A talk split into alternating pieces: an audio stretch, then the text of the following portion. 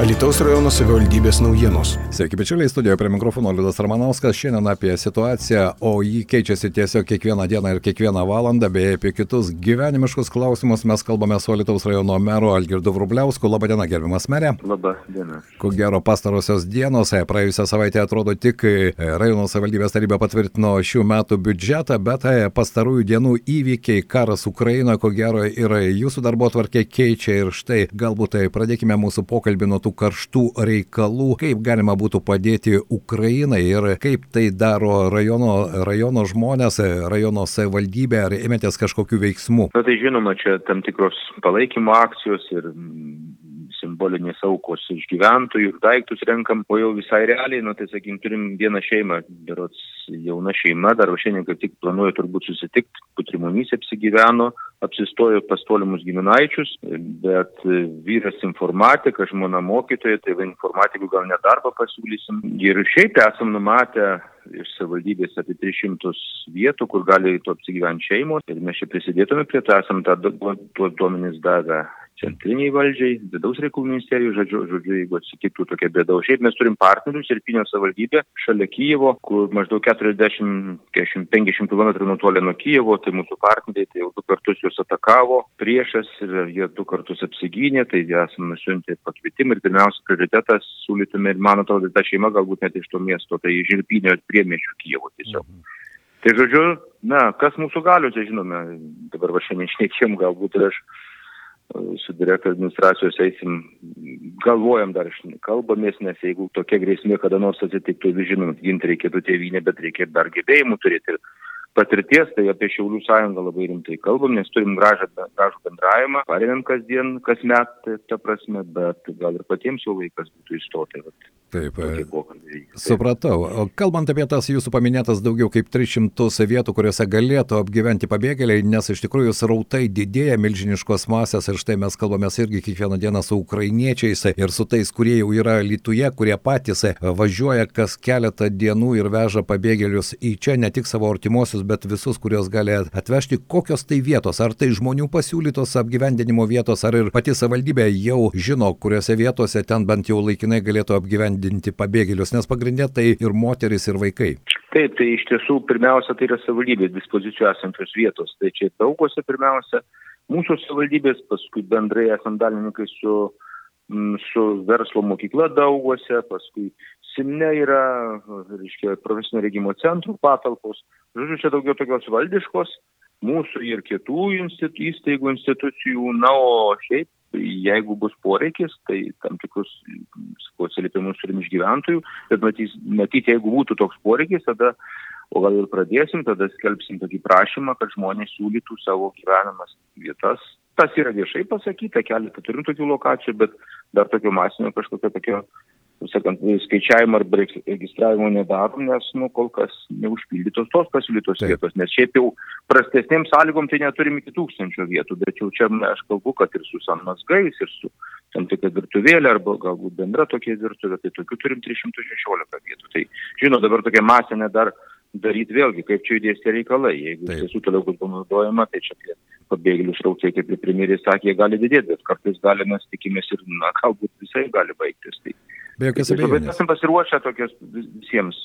Taip, kalbant apie pasiruošimą, štai ir mūsų klausytojai sako, karas Ukrainoje, bet niekas negali žinoti, kas po kurio laiko gali įvykti ir čia pat Lietuvoje ir tam reikėtų ruoštis. Sako, jog, na, netgi nežinome, jeigu kaukiant sirenom kažkur reikia bėgti, net nežinome kur. Ar štai rajono savivaldybėje apie tai kalbate su specialistais, nes čia yra elektros tiekimas, mes žinome, kad priklausome dar juk Rusijos elektros tiekimo žiedui, aš suprantu, kad tai yra saugi saugikliai, bet vis dėlto, ko gero, pastarosiomis dienomis visas tas nerimas, jis irgi reikalauja konkrečių sprendimų. Taip, mes iš tiesų, taip sakant, nerimas yra, bet tą darom labai atsakingai ir, ir nesiversdami kūlio, bet tą darom, tai iš tiesų yra dėl elektros tiekimo, tai yra aptarta, kiek mes čia pirksim generatorių, dar tikslinami galingumai buvo, bet čia ir greitai pagalbai reikia, ir, ir simno komunalininkų, ir, ir daugų palaikomos slaugos ligoniai. Žodžiu, esame aptarę ir dabar vykdysim tos pirkimus ir kuro atsargos kai kurioms įstaigoms bus užpirktos arba perkamos ir turėsim, reiškia, jeigu kas atsitiktų ir nedirbtų kolonėlis, neveiktų, tai kad galėtų, pavyzdžiui, toj pagalba važiuoti.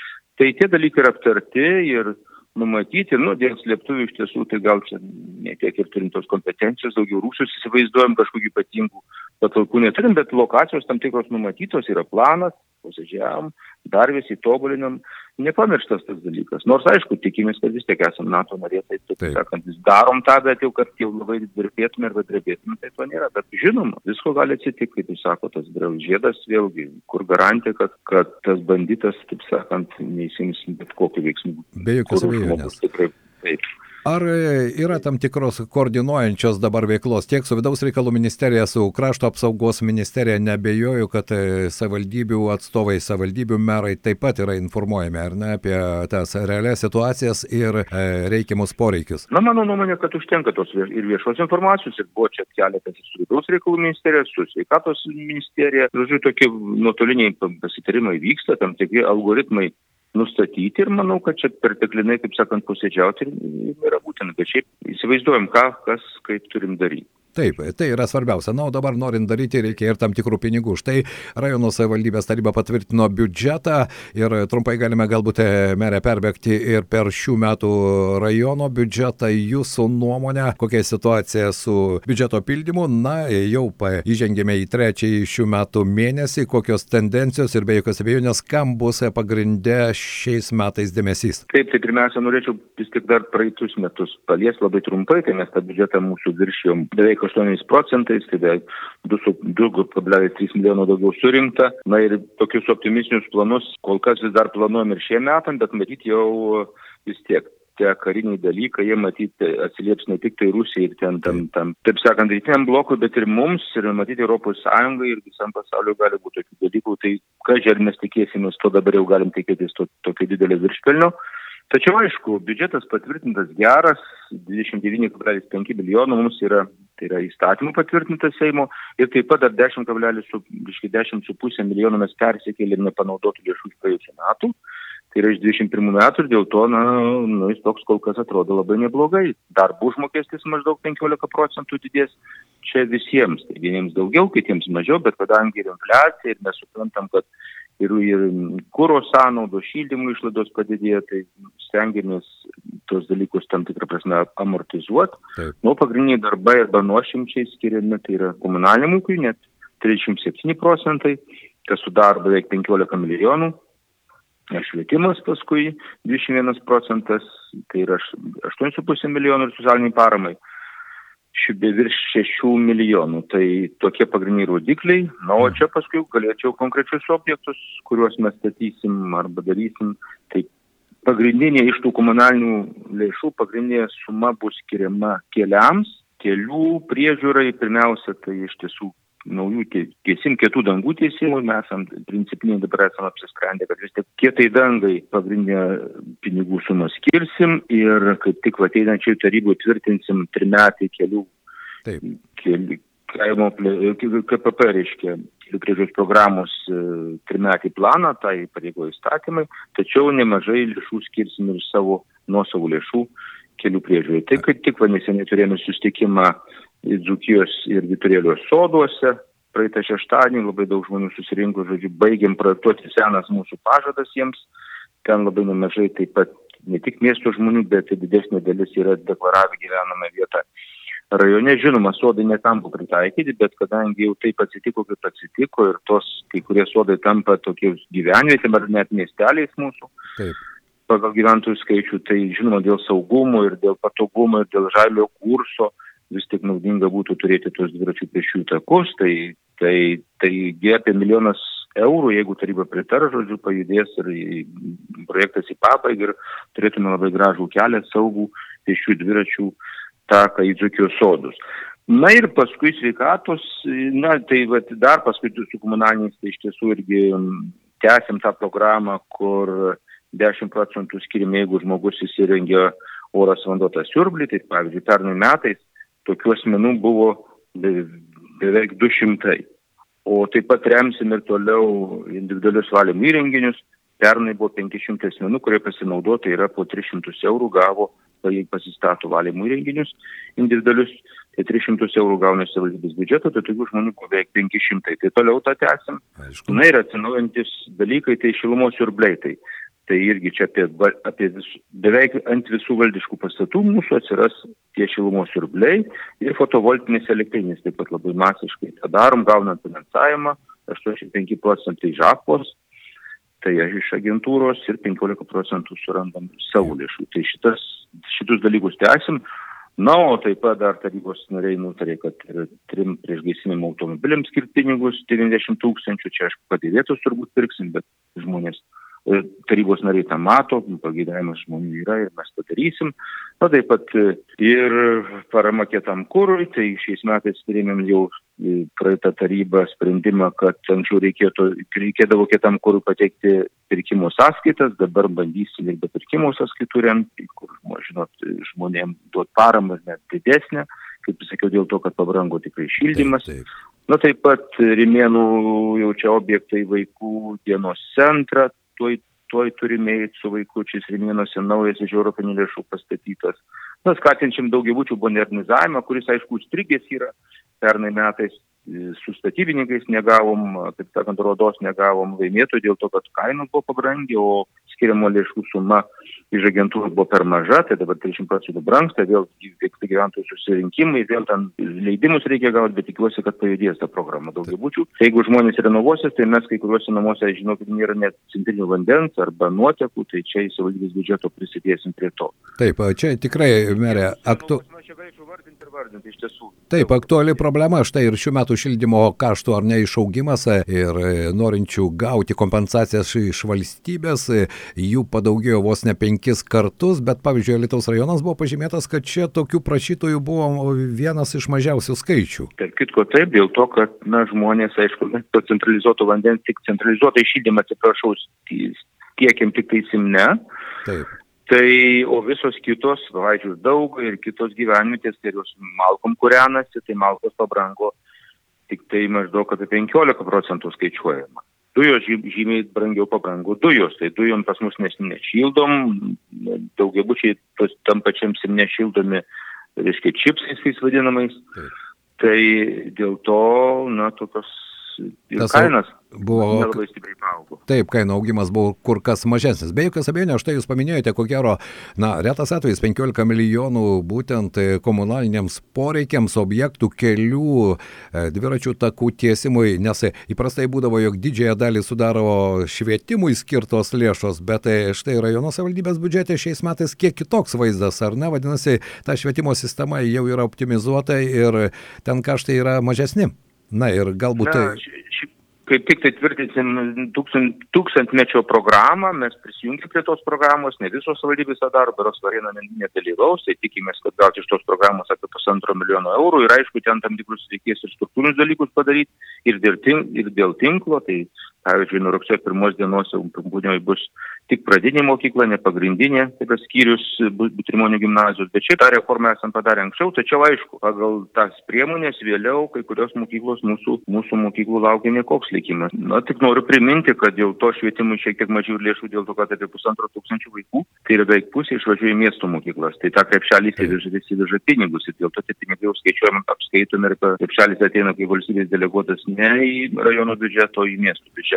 Taip, ir čia. Bet švietimui, žinoma, Miroslavo mokykla pagražinom, išorės ventiliuojamas fasadas, baigtas įrengti daly mokyklos, taip pat tokį patį darbą šiltinsim ir, reiškia, ventiliuojamą fasadą įrengsim Simno gimnazijoje, kurioje tikimės, kad jinai yra ir ateitis turi, turi ateitį ir jinai dalyvaus iš tiesų programų ir turi perspektyvą. Tai nėra taip, tai švietimo įstaigas šiek tiek prižiūrint, bet sakau, mokinio krepšelės pagrindiniai pinigai. Taip kurie eina paskui mokinį. Be jokios abejonės ir čia ir e, su miesto savivaldybė, nežinau, ten buvo įvairių diskusijų, bet jos ko gero taip nieko ir nesibaigė. Ar ne, kiek suprantu, krepšelis kaip keliauja su moksleiviais, tai jisai, jeigu moksleiviai važiuoja į miestą, jie... Mes, ne, mes, mes mokam už darželinukus, dabar pabranginom, atėjo raštas, kad 10,6 procentų, kadangi tokia buvo infliacija pernai metų, tai mes mokėsim jau daugiau 59 eurais už vaiką, tai kas mėnesį tą mokam, esam tą sutarę, visi vaikai tikrai nepersekiojami ar kažkokia diskriminacija nevykdoma ir miesto rajono vaikai, kur pagal tėvelių norus, kurie nori ten papuola. O šiaip, tai aišku, diskusija vyksta ir e, kažkada buvom planavę ir miesto kai kurie tarybos nariai buvo pritarę ir bendruomenė buvo pritarus, kad pirmam alytui atiduoti mokyklą. Mums mes buvom įsipareigoję, kad darytume ten gimnaziją, na, bet paskui miesto politikai pakeitė tą nuomonę, tai čia jų sprendimas. Nu, taip pat žinoma, dar visi turim suprasti, kad jau prasideda tas ir laikotarpis įsibėgėti europinis 21-27 metais, 7 metais planas, pagal kurį, na, sakykime, čia jau kaimynai žymiai daugiau gaus, kaip miestas, kaip centras jie gaus papildomai, kaip sakant, beros apie 20 milijonų eurų, tačiau ir mes planuojam 20 maždaug 1 milijoną gauti tų pinigų, tai irgi čia žalisis kursas ir švietimui šiek tiek, ir, ir elektromobiliams, ir įkrovimo aikštelėms, ir pramonės parkui. Bet čia galėčiau vardinti ir vardinti, tai tuos pinigus truputį pradedam dėliotis, o nuo kitų metų matyti jau jie realiai pradės funkcionuoti. Taip, be jokios abejonės, dar neaišku, žinoma, ta situacija ir Europoje, ir pasaulyje. Bet dar suspėjote, štai šią savaitę e, Kumečių kaime pristatėte pirmąją Lietuvoje mobiliai ambulatoriją, mobilų odontologo paslaugas, kas iš tikrųjų, na, e, realiai žvelgiant yra labai patogu, kad žmogui nereikėtų važiuoti į Lytų, jis visas tas paslaugas gali susiplanuoti ir gauti vietoje. Ir tai pirmas toks bandymas Lietuvoje. Dar suspėjote iššokti į tą traukinį, nes projektas čia yra bendras, ar ne Lietuvos ir Baltarusijos buvo? Lietuva, Baltarusija ir Latvija, taip, tai bendras labai ilgai mes jį jau ėjom. Ar jisai pasiseks ar ne, yra dar tam tikrų abejonių, aš man atrodo, kad yra tai labai patogu, bet tačiau dabar stebėsim, labai priklauso nuo specialistų, tai yra gydytojo, odontologo, kokie specialistai ten dirbs, kaip žmonės aptarnaus, nes žmonės visada į naujovę žiūrit šiek tiek rezervuotai, ypatingai kaimo žmonės jie susirinko, klausinėja, kaip ten, ar tikrai atvažiuosit kitą, kitą savaitę. Turim labai būti kaip laikrodžiai tikslus, turi būti grafikas, tą ir esam padarę, bet prie reikia prie to priprasti, tai yra naujiena. Atrodo, nu kaip čia daktaras man arba dantistas gręž dantį kažkokiam autobusiukė užsidaręs, bet puikios sąlygos, kaip pačiu aš pats dalyvau, ir šilta, ir geri specialistai, ir visa aparatūra naujausia. Aš tikiuosi, kad prie to pripras ir iš tiesų labai, kaip ir Kumičius paminėjo, tai ten jokio nebuvo, nei ir tas pelčetinis punktas jau senokai uždarytas. O dabar daktaras atvažiuoja ir dantistas tiesiai į kamerą. Tokių lokacijų bus labai daug kur niekada nesilankė gydytojas arba žodžiu, žmogus turėdavo važiuoti ir cholesterolis, ir gliukozė, ir ten ką pataria žmonėms Manau, kad prie to pripras. Žinoma, mes tos autobusiukus parkuojam prie patalpų valdiškų, kur galima ir apsišilti, kad žmogų, jeigu žmonių daugiau ateina, kad jie galėtų nešalto tiesiog ramiai, taip sakant, šnekučiuotis ir laukti savo eilės. Tai žodžiu, tikiuosi, kad tikrai tas bus naudinga, nes sveikata, kaip visi žinom, didžiausias turtas. Be jokios abejonės ir jos dėje nenusipirksi netgi už pinigus, jo lab, kad, na, bendruomenę, visuomenę, senstame visi ir su to susidurime, o e, atokesnių kaimo gyventojams, ko gero, tai aš tikiuosi, kad tai, galbūt ta inercija iš pradžių yra tam tikras nepasitikėjimo faktorius, bet jeigu tas procesas, kaip jūs sakote, pajudės, tai mano nuomonė tai bus labai sėkmingas, o jūs jį pabaigėte ir nes dabar jau, ko gero, esant realiai situacijai, visi projektai su rytiniais kaimynais, jie tikrai bus visi užraukti. Panašu, kad taip mes įtarį tarybą einam, mes dvi sutartis turim bendradarbiavimo, va šitą projektą vykdom kaip tik su Voronovo rajonu vykdėm, o ir turim su Gardino rajonu pasirašę sutartis, tai dabar tas sutartis į sekančio ateinančio taryboje mes nutrauksim, nu tenka apgailestauti vis tiek, nes taip jau yra, kad nereikia apsimesti, žinot, kad tik tai kalti tik tai tie vadai, taip sakant, suižulėję, vos nebandytais patapę, tai bet ir žmonės, kurie vis tik toleruoja juos kažkaip, turi visi, nu ką darysi, toks apsisprendimas pasaulinis, kad, nu, negalima taip, žinot, žiūrėti, kad tai darykit, tai spręskit tuos savo, darykit revoliucijas, turbūt aš nežinau, bet, nu, negalim, reiškia, jie vis tiek, tie žmonės juos išlaiko, jie jo juos, kaip sakant, maitina. Ir jie tada patampa, patampa tokiais. Tai dėje, bet, nu, labai gaila, bet mes irgi prisijungiam prie to ir nutrauksim bendradarbiavimą. Tiesiog lauksim, kada pasikeis matyti tie veikėjai, evoliucionuos pati visuomenė matytų valstybių. Be jokios abejonės, aš tikiuosi, kad vis dėlto suintensyvės galbūt ryšiai su Ukrainos savivaldybėmis, o jiems tikrai reikės ir pagalbos, ir ne tik moralinės, bet ir ko gero ir kompetencijų pagalbos, ir materialinės pagalbos. Na dabar svarbu iš ties nelikti šalia ir ištiesti tą ranką, kas kuo galite. Štai jų jėlau e, Jonas Augamas, su kuriuo mes čia bendravome dar prieš karą ir karo metu, e, atrodo neįtikėtinas dalykas, per savaitę surinko 10 milijonų eurų. Tiek žmonės paukojo norėdami padėti ukrainiečiams įsigyti konkrečių dalykų, kurių reikia kare. Ir mano nuomonė, ir štai Raudonojo kryžiaus iniciatyvos, ar ne, žmonės iš tikrųjų pasiruošę padėti. Tai yra labai svarbu. Tas yra labai svarbu, gerbas Liudai, aš prie jūsų prisijungiu prie Jelau ir prie kitų judėjimų iš tiesų, kad turim turim, turim padėti tikrai, turim padėti, nes mes, jie kariauna, jie kariauna su, su priešu, kuris labai pavojingas ir mums, ir visam pasauliui. Bet man dar labiausia mane sujaudino tas, tas, tas, tas mūsų, kaip sakant, pas, kad pasaulis suvokia, kas tai yra baltarusai, kas yra rusai, nes lietuviai čia ypatingai, reiškia, ir mūsų politinė srovė tokia, vis sakydavom, kad va tie būkite atsargus, nes tie rusai, bet vis vakarai niekaip mūsų nesuprasdavo kartais ir mūsų, taip sakant, taip, taip sakant, pamokydavo, ką jūs čia kalbat, jūs galbūt netiesą kalbat, bet dabar ir vakarai, vakarų pasaulis visą suprato, kad mes buvom teisūs kad tai yra blogis, kad kol mes jo neišrausim ir, ir kol mes jo nesustabdysim, arba, arba dabar sustabdysim, ar jau tada jo nebus galima sustabdyti. Pasaulis tikrai susivienijo ir mane tas kaip politiką šiokį tokį, kaip žmogų labai džiugina. O žinoma, paramos, parama būtina ukrainiečiams ir kalbos nėra. Be jokios abejonės. Suprat, kad mes kovojam, jie kovoja ir už mus, ne tik už Taip. save. Beje, ir mūsų kalbinti ukrainiečiai tą sako, taip, fronto linija yra Ukrainoje, bet tai yra linija, kuri saugo ir jūsų laisvę. Šiandien noriu padėkoti mūsų pašnekovas, buvo Lietuvos rajono savivaldybės meras Algirdas Vrubliauskas. Tikėkime, kad vis dėlto gyvenimas nesustos, bet norint Tai padaryti reikia prisidėti kiekvienam. Ačiū Jums šiandien už pokalbį, geros dienos. Ačiū Jums sudėjau. Sužinokite, kas vyksta Lietuvos rajone. Atsispausdinkite reikiamą prašymo formą. Pareikškite savo nuomonę, klauskite www.arsa.lt.